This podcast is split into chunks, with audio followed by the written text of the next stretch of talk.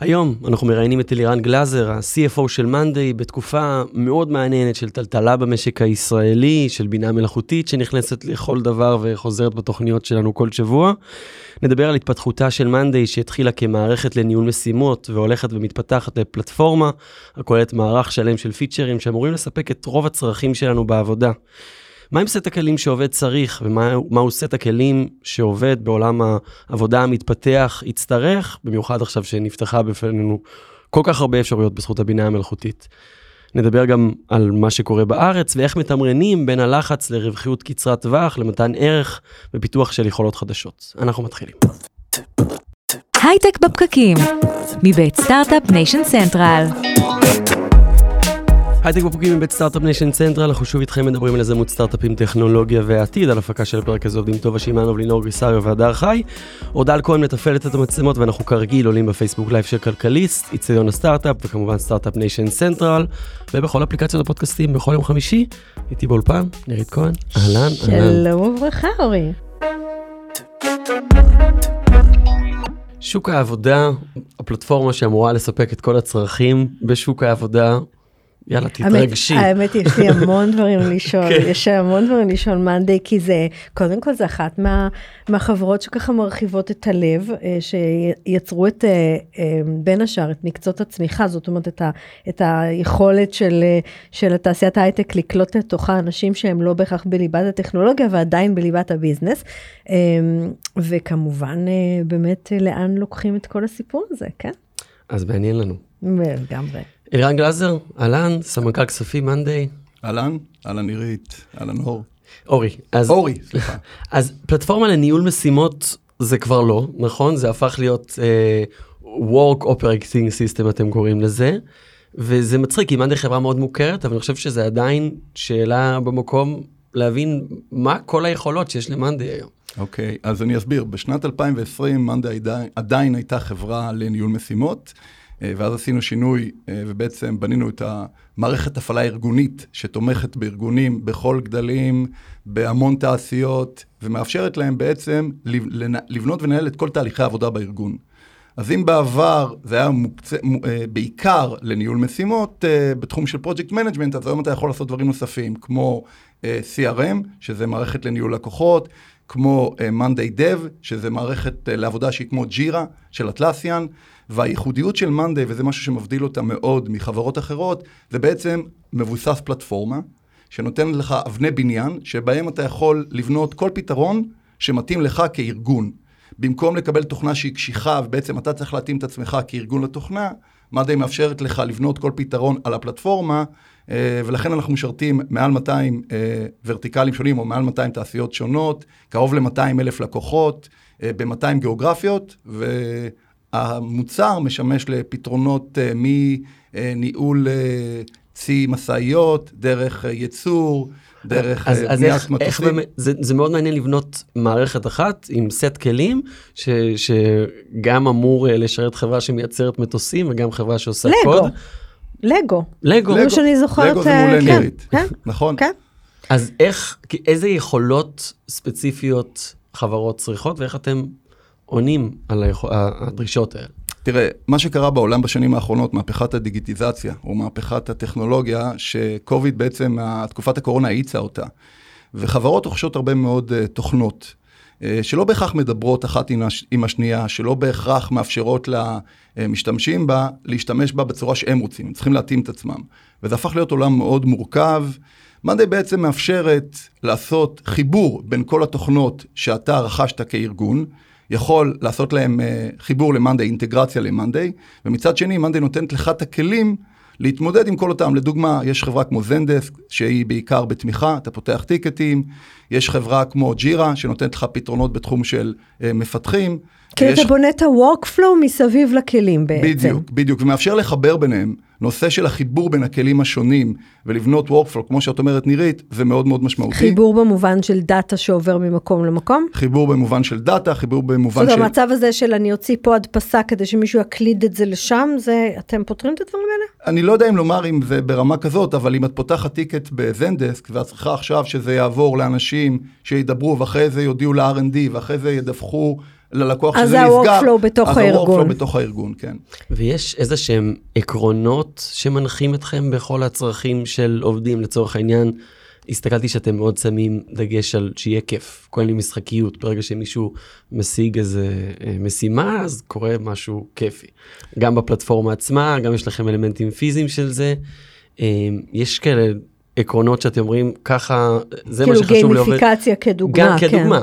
בסוף הרבה פעמים חברות מוכרות חוויית משתמש. אתה רוצה שמי שמשתמש בתוכנה זה מערכת הפעלה לעבודה, אתה בא לעבודה, אתה רוצה שיהיה לך בעבודה כיף. כן. אז אם אתה שם כל מיני דברים שמאפשרים לעובד לא רק להתמודד עם כל מיני דברים טכניים, אלא גם לראות את ה, אה, איך זה בא לידי ביטוי. לדוגמה, יש לנו אה, חוות אה, חיות אה, שנקרא למה, למה, למה פארם, שזה אה, למות. שבעצם הן ככה מופיעות על המסך כשאתה עושה כל מיני משימות. אז זה נחמד, אתה יודע, אתה גם רוצה שיהיה לך כיף. Uh, התוכנה היא מאוד ויזואלית, זה ערך מאוד מאוד חשוב ב-Monday, ובעצם היא קלה לשימוש, היא, היא ידידותית. 70% מהלקוחות שלנו הם לא חברות טק במובן הרחב של המילה. כן. אנחנו חושבים שאתה חברת תוכנה, אז אתה בדרך כלל מוכר לחברות טק, ואז אנשים יודעים להשתמש בתוכנה. 70% זה לא חברות טק, זה חברות ייצור, זה חברות תפעול. אז אנחנו רוצים שיהיה להם גם כיף להשתמש. אחד הדברים ש, שמאוד מעניינים אותי, אפרופו התקופה שאנחנו חיים בה, הם, פעם אפשר היה עוד איכשהו להחזיק פרוסס, כי כולנו היינו ביחד במשרד, ואז אם משהו לא מסתדר, אז אני ככה הולכת, כמה הולכת לקובייה שלך ושואלת אותך שאלה. חלק מהסיפור של העולם עבודה הטיפה יותר היברידי ומבוזר שאנחנו חיים פה, זה שאי אפשר יותר לחפף פרוסס. זאת אומרת, אתה צריך uh, שהתהליכים יהיו מסודרים וסגורים כדי שהם יתקתקו.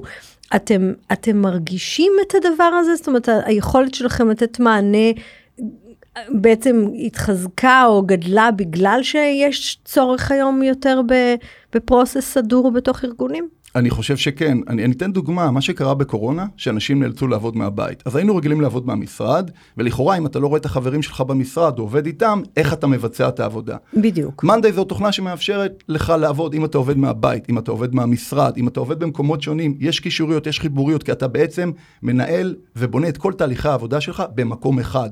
ואתה יכול לחבר אליו אנשים שונים מהארגון, זה תוכנת שיתוף בסופו של דבר. אז יש לנו משני משתמשים עד 7,000 משתמשים, וכמו שאמרתי, בסיס לקוחות מאוד רחב מהרבה מאוד תעשיות. אז זה לא משנה בעצם אם אתה עובד בבית, עובד במשרד, עובד במקומות שונים, כשאתה מטייל לדוגמה או טס בעולם, התוכנה מקשרת בין כולם, וזה עוצמה מאוד משמעותית לתוכנה שבעצם יוצרת את הקישוריות הזאת ואת שיתוף הפעולה בין כל המשתמשים בכל הגיאוגרפיות אה, ל-use cases או למקרים שונים או לוורטיקלים שונים. ורק בתוך ארגון? לא, גם בין ארגונים שונים. נגיד, מה... אני חושבת על רשתות, חלק גדול מהעבודה היום נעשית בצורת רשתות, נגיד, של פרילנסרים. אז אם, זה כאילו, זה, זה צריך להיות אה, ישות ארגונית, או שזה יכול להיות גם... תראי, אחת היכולות המאוד משמעותיות של מאנדי זה הקישוריות של מה שנקרא אינטגרציה לחברות אחרות. האינטגרציה הכי משמעותית זה עם סיילספורס. יש אינטגרציה עם ג'ירה, יש אינטגרציה עם ג'ימל. אז לא רק שאתה עובד על התוכנה של מאנדי, היא בעצם יכולה לשמש לך workflow, או אה, מקשרת בין תוכנות שונות. שהן חיצוניות לארגון ובעצם okay. מייעלות לך את תהליך העבודה. אני שואל עוד על עקרונות, אומרים שמה שמודדים אותו, מה שאפשר למדוד אותו, בסופו של דבר קורה. נכון. בטח בעבודה. אז זה גם משהו שאתם נותנים לו דגש, ש, שיהיה מעקב אחר... דשבורדים או כן. כאלה דברים. כן, ב-Monday יש מערכת שנקראת ביג בריין. מוח גדול. אהבתי מוח גדול. זה מערכת BI שפותחה כאשר מאנדי הוקמה, להזכיר מאנדי הוקמה ב-2012, מוצר ראשון ב-2014, בעצם כל דבר שאנחנו עושים אנחנו מודדים. אם אתה מסתובב היום במשרדים של מאנדי, אתה רואה מסכים בכל הקומות, בכל המחלקות, לא רק בעולמות של פיתוח או שיווק, גם בעולמות של כספים, גם בעולמות של ליגל, uh, uh, ובעצם כל הזמן אתה מקבל איזושהי אינדיקציה על דברים שאתה עושה.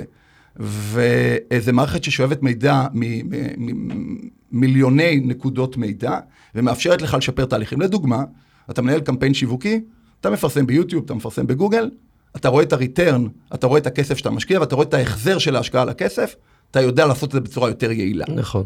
זה אנחנו מאוד, מאנדיי היא, נושא של הדאטה במאנדיי זה אולי אחד העקרונות המנחים, כמו שקיפות, כמו אחריות, אבל דאטה, אנחנו חברה מבוססת דאטה. אנחנו מדברים על דאטה המון בתוכנית, כי אגב עברו תשע דקות ועוד לא אמרנו בינה מלאכותית, הנה זה מגיע.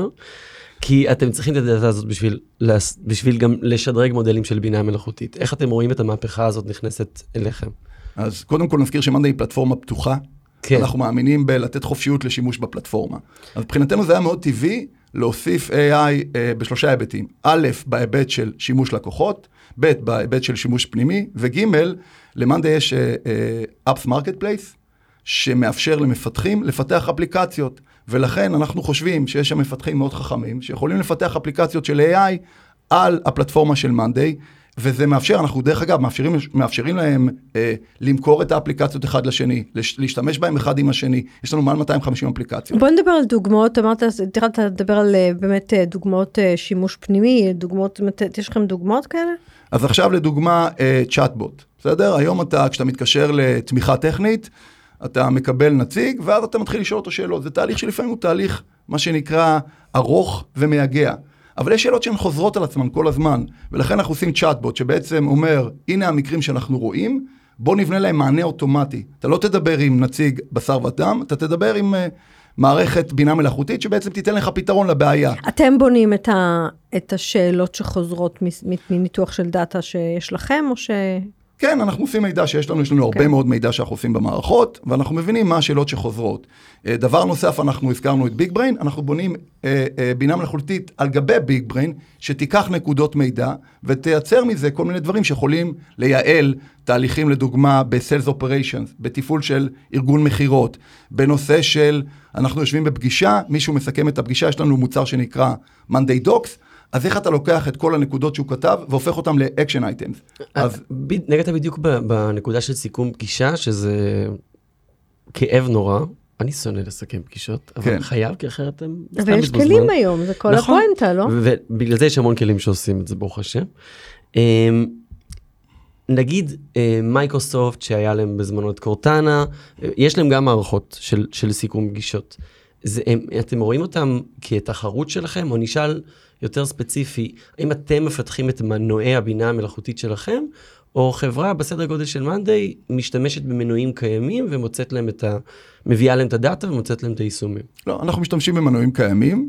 אין צורך לבנות כרגע מנועי, אה, מנועי צמיחה או מנועי בינה מלאכותית שלנו, כי יש באמת פתרונות יוצאים מהכלל. אבל אחד הדברים שחשוב להבין, שכרגע אנחנו ב, עדיין תקופה מוקדמת, ואנשים לא מבינים עדיין מה תהיה ההשפעה של AI. יכול להיות שזה יהיה קומודיטי, יכול להיות שזה יהיה מוצר שאתה תיקח מחר עשרה מפתחים, שיפתחו לך כל מיני פתרונות שאפילו לא חשבנו עליהם.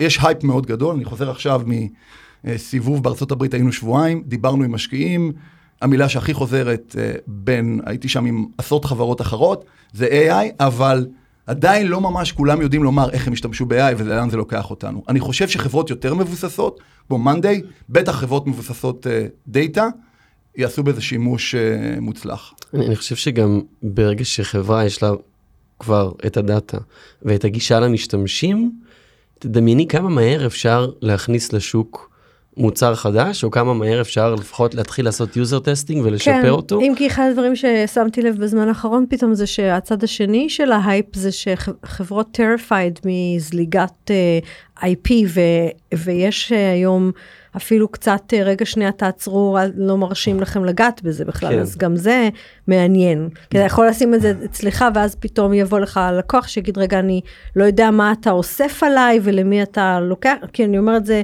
לא משנה, רציונלי, לא רציונלי, יש, יש את השיחה הזאת, היא מתקיימת. זה, זאת נקודה מעולה נירית, יש לך נושא של Data Integrity, Data Accuracy, היום אתה מביא דאטה לארגון, אתה לא יודע אם זה נכנס, את יודעת, בצורה מלוכלכת, איך אני יודע לשלוט על המידע הזה. יש הרבה סוגיות שעדיין אין להם פתרונות. אני אגיד משהו אה, שהוא בעיניי מאוד חשוב. הרבה סטארט-אפים שקמים, את יודעת, יש תקופה של... אה, אה, בהם הם, בהם, בהם הם צומחים, product market fit, ולוקח להם זמן, וגיוסי כספים. AI מאיים עליהם. כי תחשבו שהיום יכולים להיות פתרונות שאני בניתי חברה, הבאתי פתרון סופר סקסי, סופר מדליק, גייסתי כסף ממשקיעים. עכשיו אני אקח כמה מפתחי AI, הם יעשו את זה הרבה יותר מהר, יקבלו וליואציה גבוהה. זה, אני, לא, אני אגיד משהו... לא, יש עולמות שלמים, דיברתי אתמול עם SEO, שאלתי אותו, תגידי לי, מה זה SEO בעידן ברד? כאילו, מה זה לקדם גוגל? כל הפואנטה ב- שאני משתמשת בצ'אט GPT זה לדלג על המודעות. אני לא רוצה להישמע דרמטי, זה לא משנה תעשייה, זה משנה עולם. כן, כן. זה, אנחנו- זה משהו שהוא, אנחנו בכלל לא יודעים להעריך את זה בגלל זה עדיין. אנחנו לא מבינים איך לקחנו עשר דקות להגיע לזה, אבל בסדר, אה, זה- זה ברור. אה, אני כן אבל חושב שאנחנו גם מתרגשים ומתלהבים, אבל מבחינת האקוסיסטם הישראלי ובכלל חברות חדשות שנכנסות בתוך שוק של AI, אני חושב שיותר קשה אה, ברגע שהתהליך הטכנולוגי הוא קצר יותר ועם פחות חסמים, אז ברגע שאין לך גישה לדאטה וגישה, דאטה ספציפי למה שאתה צריך וגישה אה, למשתמשים, מאוד קשה לייצר מוצר B2C, וחברה שהיא כבר קיימת ויש לה את הגישה למשתמשים זה יתרון אדיר, אבל אני חושב גם על סטארט-אפים חדשים שנוצרים. כן, יש פה משהו, יש פה אבל משהו אחר. אתה אמרת את המילה פלטפורמה הרבה פעמים, ואני חושבת שזה הכוח שלכם. זאת אומרת, אני, אני זוכרת את זה מימי גוגל, שהיה, כשהתחיל האינטרנט, אז היה את הדפים כמו יהו, שהם אמרו, אני שולט בכניסה, אתה תשלם לי ואני אמפה לך, וגוגל אמרה, אני, אני, אני פתוחה. אמ, ת, ויצרה בעצם פלטפורמה, וזה חלק מהכוח והצמיחה. אז אני חושבת שהיכולת שלכם לבנות פלטפורמה שמאפשרת uh, להשתמש במה שאנשים חכמים מבחוץ אולי ייצרו איתה, זה באמת כוח מאוד גדול. יש לכם דוגמאות כאלה היום כבר שאתם רואים? כן, אה, יש חברות שבנו על גבי הפלטפורמה של מאנדיי מערכת לניהול נדל"ן, מערכת לניהול מלונות. הם יכולים מחר ללכת ולקנות תוכנת מדף שמאפשרת להם לנהל את המלונות, את רשת המלונות. היום אתה יכול לבנות פתרון על מאנדיי. אני חוזר שוב, זה, זה בעצם אולי הייחוד. כשיצאנו להנפקה לפני שנתיים, יש כמה שחקנים בתעשייה ואמרו, באיך אתם בעצם שונים? במה אתם נבדלים? נכון, יש Asana, יש יש... Smartsheet. כן, יש המון חברות כן. שעושות ניהול משימות. אבל אם תסתכל על התוצאות העסקיות, שבסוף הם פועל יוצא של האקסקיושן, אתה יודע, הצמיחה של החברה, אה, הטכנולוגיה של החברה, אתה תראה שמאנדיי בעצם עקפה אותן משמעותית בנושא של תוצאות עסקיות. שזה בין היתר בגלל הפלטפורמה, כי, כי לגמרי. באמת אפשר לדמיין המון דברים שמתלבשים על הפלטפורמה הזאת. מה, מה יוצא לזה למי שמשתמש בפלטפורמת open source שלכם בשביל להטמיע את הסטארט-אפ, טכנולוגיה שלו, פיצ'ר שלו? זה, זה כל הדברים שדיברנו עליהם. קל מאוד להשתמש בה, היא מחברת בין... אה, לא, אבל לא, הוא לא שואל על עכשיו- הלקוחות, הוא שואל על ה- על השותפ... כאילו, כן. לצורך העניין, על ה- מי שמפתח אפליקציות על גבי הפלטפורמה שלכם. אה, קודם כל יש לו distribution מאוד רחב. תחשוב, יש לנו קרוב ל-200 אלף לקוחות. יש תעשייה שלמה שמבוססת על זה, יש לנו מעל 250 אפליקציות שהן על הפלטפורמה. תחשוב על פלאפון, שאתה אה, משתמש בפלאפון של אפל, אז אה, בעצם כל מי שמפתח אפליקציה, אם היא מוצאת חן בעיניך, אתה יכול להוריד אותה ולהשתמש בה.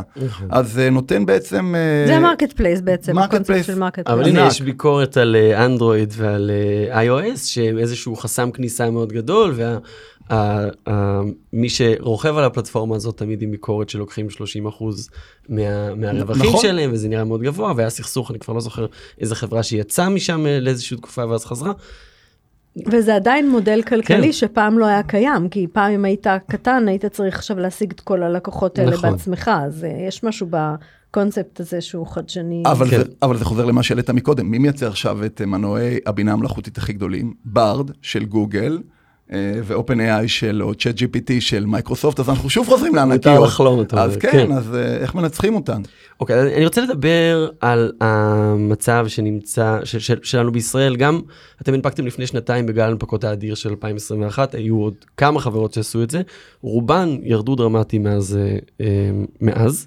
אתם נסחרים היום פחות או יותר סביב אה, שווי הנפקה ועולים כבר אה, שנה ברצף בצורה מרשימה, אבל עדיין האווירה הכללית היא של שאיפה ליותר רווחיות, צמצום הצעות, הגדלת הכנסות. המשימה הזאת כ-CFO היא קצת עליך. כן. אז איך אתה מתמודד עם, ה, עם הדבר הזה? ו- וגם, אתה יודע, מה הדגשים, כמה מצמצמים הוצאות, איפה מצמצמים הוצאות, איך, מג- איך, האם יש סבלנות אה, לפיתוח ארוך שייקח זמן עד שהוא במילים יניב אחרות, רווחיות? מה עשה הגל, הירידה ב... ב... מה שנקרא, בסייקל הזה לאיך שאתם עובדים עכשיו. אוקיי, אז אצלנו שום דבר לא השתנה. אנחנו נמצאים בצד הטוב, אני אומר, תראה, מה שקרה בתעשייה זה מצער, כי בסוף אנחנו בתוך אקוסיסטם במדינת ישראל, וחשוב לנו שכולנו נצליח, לא רק מהפה לחוץ, כי זה מייצר מקומות עבודה והרבה מאוד דברים טובים אחרים. מה שקרה לפני שנתיים היה גל מטורף, כי היה מושג שנקרא צמיחה בכל מחיר. היה... כסף זול, אז זה משתלם. נכון, סביבת ריבית אפס, זה כן. היה משנה נכון. משמעותי מאוד. ואז בעצם קרנות הון סיכון נתנו הרבה מאוד כסף לחברות ואמרו, תצמחו. חברות השקיעו, ובעצם לא באמת היה סיפור ארוך טווח לחלק מהחברות. ובמקום להתמקד רק בצמיחה בכל מחיר, אנחנו דיברנו גם על צמיחה יעילה. מה זה צמיחה יעילה? אתה צומח, אבל גם חלק מהצמיחה שלך יורד לשורת הרווח או צמצום ההפסד. אז אה, שמונה רבעונים מאז שהנפקנו, אה, אנחנו ממשיכים לצמוח בצורה מאוד משמעותית. זה עדיין הדבר הכי חשוב מבחינתנו, אבל שיפרנו מאוד את אה, מדדי הרווחיות. אתם עוברים, לרו- עברתם לרווחיות. עברנו נכון? לרווחיות, אבל לא רק, שר... ולא רק זה, לא שרפנו מזומן מאז ההנפקה. זאת אומרת, ייצרנו מזומן. סיימנו את הרבעון הראשון עם אה, 935 מיליון דולר בקופה, כאשר אנחנו מייצרים מזומן בצמיחה שהיא צמיחה מואצת. אז לי, מבחינתנו, לא היה צריך לעשות צמצומים, גם לא השתוללנו בגיוסים. זהו, לא מה לקחנו- קרה לגיוסים שלכם? אז תראי, מצד אחד גייסנו המון, שנה שעברה גייסנו 50 אחוז, גדלנו מ-1,000 עובדים בתחילת שנה שעברה למעל 1,500 בשנת 2022. דרמטי. שנה לפני גדלנו מפחות מ-300 למעל 700. זאת אומרת, אנחנו לא בהכרח צמצמנו את העובדים, אבל כן ניהלנו את הדברים בצורה יעילה. גייסנו הרבה מאוד אנשים, ראינו איפה הצרכים, וכשראינו שהתעשייה מתחילה אה, ככה להיות יותר מאתגרת, אז אמרנו, אוקיי, בואו נסתכל על התוכניות, אנחנו כל הזמן, וזה דבר מאוד חשוב, אנחנו לא מסתכלים רק על מה שדיווחנו, אנחנו מסתכלים רבעון, שני רבעונים ושנה קדימה, אבל גם מסתכלים לטווח ארוך. וכשאתה מנהל את זה בצורה כזאת, טווח ארוך מול איך אתה מאפטם טווח קצר, אתה מוצא את האיזון הנכון. אה, אז ו- בתור CTO, איך אתה, איך אתה תופס את ה... CFO. סליחה, סליחה. בתור CFO, איך אתה תופס את הסייקל הזה? תראה, סייקלים יש כל הזמן. ה cycle הקודם היה ב-2008, כשהיה את ה... טוב, זה אה, היה cycle מאוד... אה, כן. מאוד, אבל מאז ה cycle הזה, ב-2008 היה בעצם שוק מאוד... נכון. היה מה זה אה, סבבה מאז, שוק כן. שורי, כן. אה, אתה יודע, שכולם נהנו ממנו, כן. סביבת ריבית אפס, כן, נכון, ואז אתה נכון. לא יודע איפה לשים. אז סייקלים יהיו כל הזמן. אני מניח שאנחנו נמצאים עכשיו ב cycle שיימשך כמה שנים. זה לא יהיה פשוט, כי א', הכסף הוא יקר, ב', AI נכנס לתמונה, ג', חברות שהשקיעו בהם, עכשיו לא יודעות איך הן בעצם AI אבל יכול להיות כוח דיפלציוני. רגע, זהו, תתרגם. AI נכנס לתמונה ומה אתה רואה את זה, איך אתה רואה את זה משפיע, אפרופו סייקלים של ד, אה, אז דיברתי תעשייה? עם מישהו ב, בתעשיית ה-VCs שאמר לי, תשמע, אנחנו על הגדר, אנחנו לא משקיעים, אנחנו חוששים. כי עכשיו אנחנו נלך ונשקיע בנגיד עשר חברות פורטפוליו שונות, סכומי כסף שונים, יבוא מישהו, יעקוף אותנו בסיבוב. אז אנחנו במצב של, רגע, בוא נשב על הגדר. אמרתי לו, כן, אבל לא לקבל החלטה זו לא החלטה. אז הוא אומר לי, כן. כן. אז אנחנו לא רוצים לקבל להבין- החלטה, אגב, זאת החלטה. כן, אה, זה דחיינות, כן, את יודעת, בסוף אתה... אז הוא אומר, אנחנו יושבים על הגדר, וצריכים להבין בעוד כמה חודשים לאן הדברים הולכים, ואז אמרתי לו, אבל יכול להיות שתפספסו הזדמנויות. הוא אומר, כן, אבל זה יותר חשוב לנו מאשר אה, לעשות אה, השקעות שהן בסוף ירדו לטמיון. יש פה תקופה שהיא תקופה אה, מורכבת. אז איך אתם מקבלים החלטה? זאת אומרת, בעצם, כאילו, לצורך העניין, אתה VC, כאילו סוג של VC ש, שבתוך הפעילות שלכם, של, כן. כן. של מה שאתם, איך אתם מקבלים החלטה? או, או אפילו איזה שאלות אתה שואל כדי להבין. אוקיי, כן. אני מסתכל, תראה, בסוף כשמסתכלים על חברה, מסתכלים לטווח ארוך. אני אומר, אוקיי, בואו נחשוב איפה נהיה בעוד חמש שנים. איפה אנחנו רוצים להיות בעוד חמש שנים? איזה מוצרים? איזה קהל לקוחות? איזה גיאוגרפיות נעבוד? כמה עובדים? עכשיו בואו נחזור אחורה ונתחיל היום לבנות את העתיד. חברה שלא עושה innovation בסוף מתה. לא, זה ברור, אבל איך האנסרטנטי של AI שהוא סוג של דיסרפטור, או הסוגיה של הכסף היקר, איך הדברים האלה משפיעים עליכם? אז א', אין לנו בעיה של מזומנים. נכון, אז אין לך בעיה. של- וב', כן. AI מבחינתנו אנחנו רואים את זה כהזדמנות. כי דיברנו על זה מקודם, אנחנו חברה מבוססת דאטה, הרבה מאוד, open source, יפה, שמאפשרת. והפלטפורמה, חזרנו לפלטפורמה כן, עכשיו. אז אה, מבחינתנו זו הזדמנות אדירה, ה-AI. אנחנו אה, חושבים ש... כמו שדיברנו מקודם, אה, רצוי להיות בקו המוביל של לפתח יכולות בינה מלאכותית, מאשר לקחת צעד אחורה ולהגיד בוא נראה איך זה ישפיע עלינו. אנחנו מתעסקים ביותר בוא נהיה פרואקטיביים ונבנה את העתיד שלנו מאשר לתת לדברים להכתיב לנו. ולמה, אם אתם באמת אה, מסתכלים טווח ארוך, וכרגע אתם משרתים את כל הגדלים של העסקים, מקטנים עד enterprise, כש enterprise טיפה פחות, נכון? זה פחות ה... לא, אבל הוא צומח בצורה מאוד משמעותית, כן. א- אבל אם באמת אתם הולכים לכיוון של enterprise, ואז אנחנו מדברים על תחרות בענקים כמו אה, מייקרוסופט וכמו אה, Salesforce, אז כבר הייתי מצפה שאת מערכות הבינה המלאכותית אה, תפתחו בעצמכם, כי, כי אחרת יש גבול כמה אתם באמת יכולים להתחרות. אז זה משהו שאתם חושבים להיכנס אליו, לייצר את הצוותים בעצמכם? אני מבין שכרגע עוד מוקדם לדבר על זה. אז, אז בוא נחדד, זה חשוב מה שאתה שואל. כן. אז קודם כל אנחנו משרתים שלושה סיגמנטים. סיגמנטים של לקוחות קטנים, לקוחות ביניים ולקוחות גדולים. אנחנו רצים על כל המנעד של הלקוחות, ולכן, כמו שאמרתי, קרוב ל-200 אלף לקוחות. AI שמייקרוסופט וגוגל מפתחים, אנחנו לא צריכים לפתח כדי להתמודד או להתחרות איתם. אנחנו נשתמש בזה, או נביא גם מפתחי AI פנימיים, אבל אין סיבה עכשיו ללכת ולבנות, אין לך את המשאבים לא, ואת אתה היכולות. אומר, אתה מסתכל כמה שנים קדימה. ו- אני, אתה יודע, אני אקח פתרונות קיימים ומצוינים, מישהו בנה את זה, מישהו עשה את זה, ואשלב אותם בפלטפורמה שלי. גם אני כן. איכשהו, אני חייבת להגיד, בתור מי שנכנסה בקיר הזה של תיישמו מערכת, אנחנו קראנו לזה שנים ונילה. כי נכון. כאילו אתה אומר, אני לא רוצה לעשות אה, אדפטציות מסובכות ויקרות למערכות, אז אני, אשנה את, את ה process שלי להתאים למערכת. אז כאילו זה לא כל כך קשור ל Microsoft ו Google, זה קשור להמון processes בתוך הארגון. בהחלט. ואתם בעצם מאפשרים לי building blocks לבנות את ה process על הוונילה הזה. נכון, ודיברת מקודם על קופסת לגו, כן. אני נותן לך קופסה עם אה, מספר חלקים, את יכולה לבנות אין סוף דברים מהאבני בניין האלה. זה מה שאנחנו עושים, זה... אי אפשר להמחיש את הדבר הזה, להסביר, אבל הדבר הכי מדהים, אנחנו לא מוכרים פתרון או מוצר, אנחנו מוכרים פלטפורמה עם אבני בניין שאתה בונה את המוצר שאתה רוצה. זה משהו שהוא counter intuitive לחלק מהאנשים, מי הוא זה לא ברור. האנשים בארגון ואיזה skills צריך להיות להם בשביל לקחת את הקופסה הזאת ולדעת לעשות איתה מה שצריך? אנשי שיווק, אנשי מכירות. אחד המוצרים שהשקנו בשנה האחרונה נקרא CRM, אז הוא, יש לך את השחקנים הגדולים כמו Salesforce, אבל יש לך המון שחקנים קטנים שנמצאים בתעשייה הזאת כבר 30 שנה. אנחנו לקחנו את כל היכולות של הפלטפורמה, ובעצם בנינו מוצר על הפלטפורמה שכבר לוקח את כל היכולות שלה, והוא הפך להיות מאוד מאוד מצליח, צמיחה מאוד משמעותית, ואנחנו מתחרים מול שחקנים שלא ראינו בעבר, כמו HubSpot, כמו Pipedrive, כמו Zoho, למי שמכיר. אה, אותו דבר אנחנו עושים במוצרים שהם מיועדים לקהל המפתחים, Jira של חברת Atlassian, לתת להם פתרון שיאפשר להם אה, להתחרות ב Jira, אבל לעבוד גם עם Jira. אנחנו גם משתפים איתם פעולה וגם מוציאים מוצרים אה, כמוהם לשוק. וזה זה משמעותי. אה, אני חוזר חזרה ל- למצב שאנחנו נמצאים פה, הזכרת את כן. 2008 ופעם ראשונה שאנחנו נכנסים למשבר ואמרת המשבר הזה לא כזה משפיע עלינו כי, כי גם ככה אנחנו לא אה, גייסנו בצורה כאילו יש כסף חינמי, אלא גם ככה אה, עשינו מודל של ב- רווחיות כן. חכמה. צמיחה יעילה. צמיחה יעילה, כן. עדיין, זה פעם ראשונה בהרבה שנים האחרונות שאנחנו נתקלים במשבר כזה. אתה לא, אתה לא, זה, זה נשמע לי מוזר שאתם לא עושים איזה שהם התאמות. תשמע, אני עתיק. אני אה, בעולם הזה של ניהול כספים משנת 2000, ובשנת, אה, אני זוכר את המשבר של שנת 2000, ו-2008 גרתי בניו יורק, גרתי ארבע שנים, והייתי CFO בחברה פיננסית. כן. אחת התכונות שמדברים עליהן זה עמידות, רזיליאנס. יש הרבה אנשים, תקשיב, בעשור האחרון, שלא חוו משברים כי זרקו פה כסף מסיבות מוצדקות ולא מוצדקות, אני לא שיפוטי חלילה.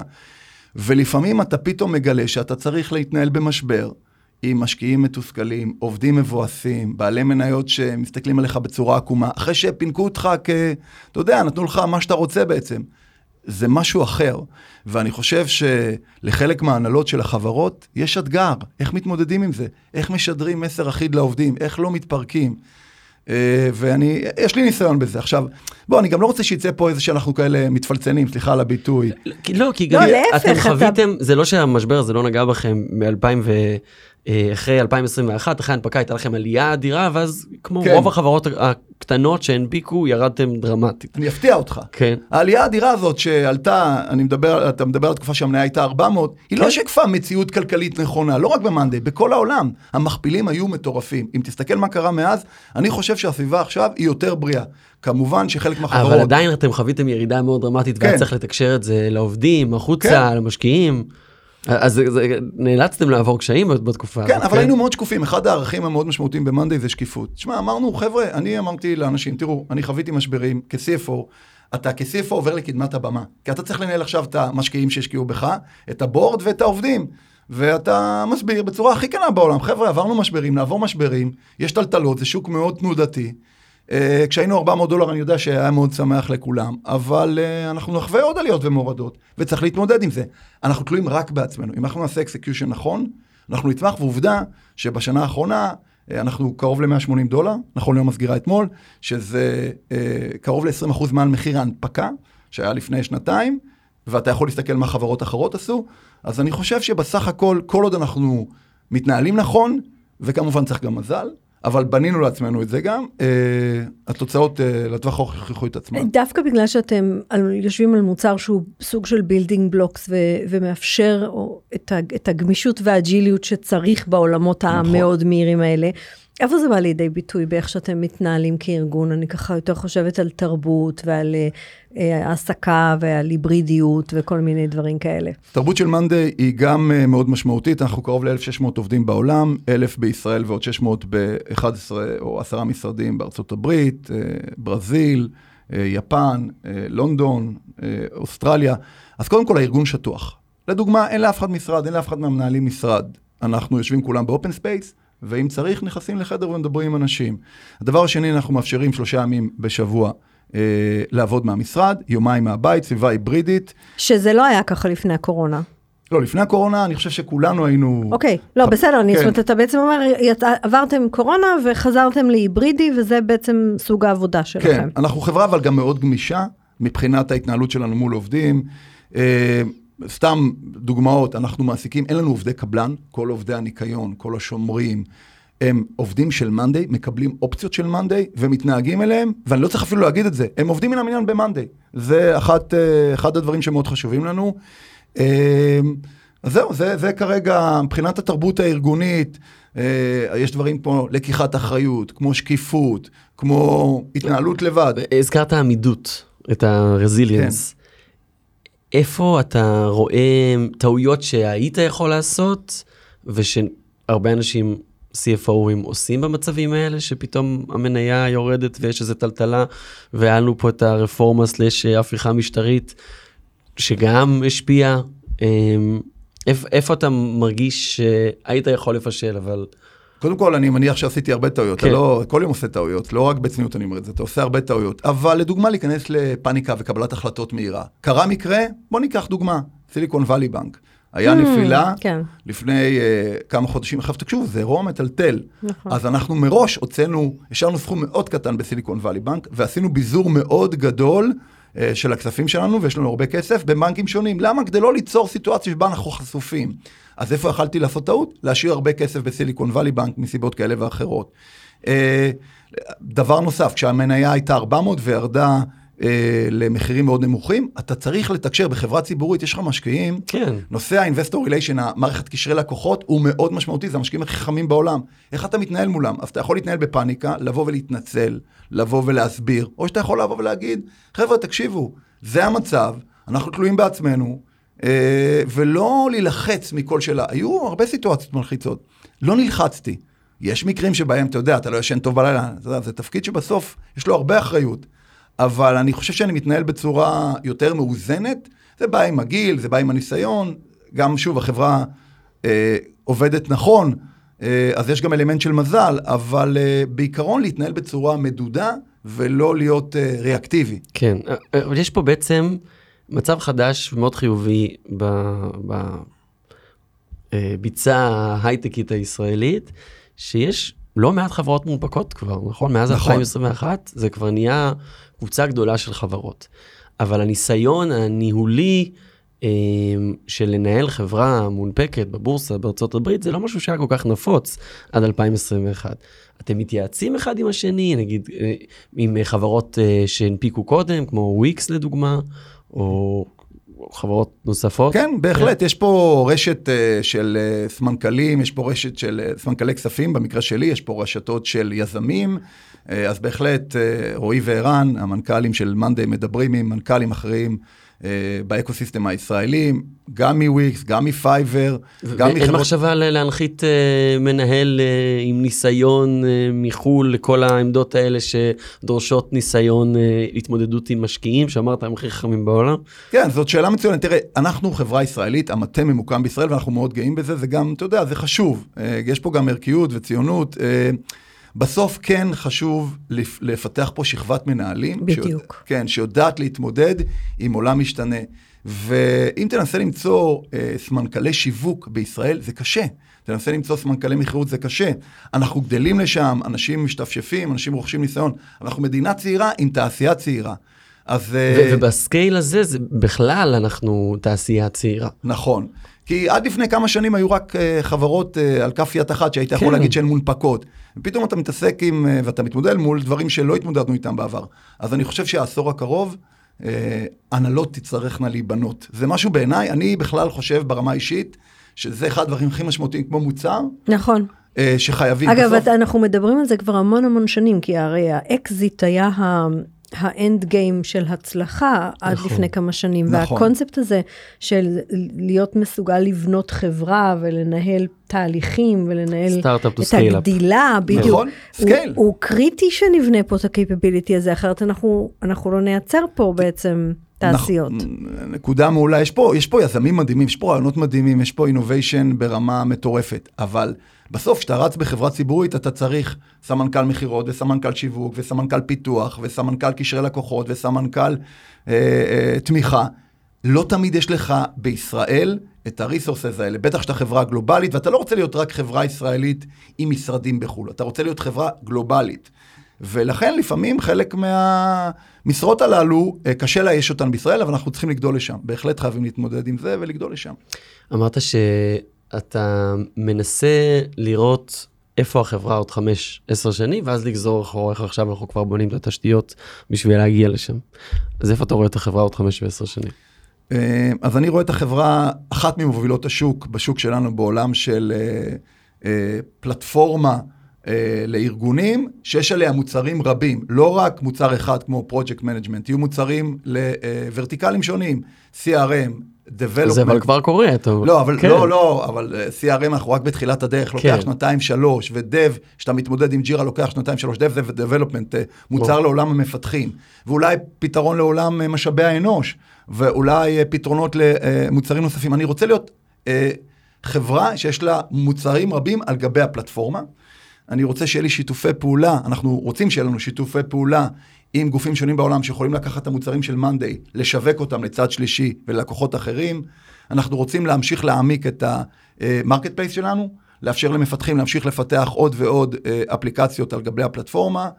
אה, אנחנו רוצים להשקיע מאוד בפלטפורמה עצמה. בסוף, הפלטפורמה היא מאוד משמעותית. יש לנו מוצר שנקרא Monday DB, חשוב להגיד, זה מוצר שמטרתו לייעל את המהירות, את ה performance ואת ה scale של הפלטפורמה. זה אחד הדברים החשובים לנו, כי אנחנו רוצים להגיע ללקוחות מאוד גדולים. זה שוק קשה גם, כן. כן, ורוצים להגיע ללקוחות מאוד מאוד גדולים. אלירן גלזר, סמנכ"ל כספים של מאנדיי, תודה רבה לך. תודה רבה לכם. תודה רבה למי שהאזין והאזינה לנו, תודה לכלכליסט ול Start-Up Nation Central על שיתוף הפעולה. אנחנו מזמינים אתכם לקבוצת הפייסבוק שלנו, שנקראת הייטק בפקקים. תצטרפו לדיונים לפני התוכניות, הייתם יכולים להתקיל את אלירן בשאלות. תודה להדר חי, לינור גיסריו, טובה שמענו ואורטל כהן על ההפקה של הפרק היום. מוזמנים להמשיך, להאזין לנו, לדרג גם חמישה כוכבים אם הגעתם עד הלום והייתה לכם חו- חוויה מהנה, אז זה יהיה נחמד אם תעשו את זה. נירית? כן ירבו. כן ירבו. נירית כהן, תודה רבה שהיית איתי באולפן. תודה רבה, אורטי אלדנו. ואנחנו נשתמע ביום חמישי הבא. יאללה ביי.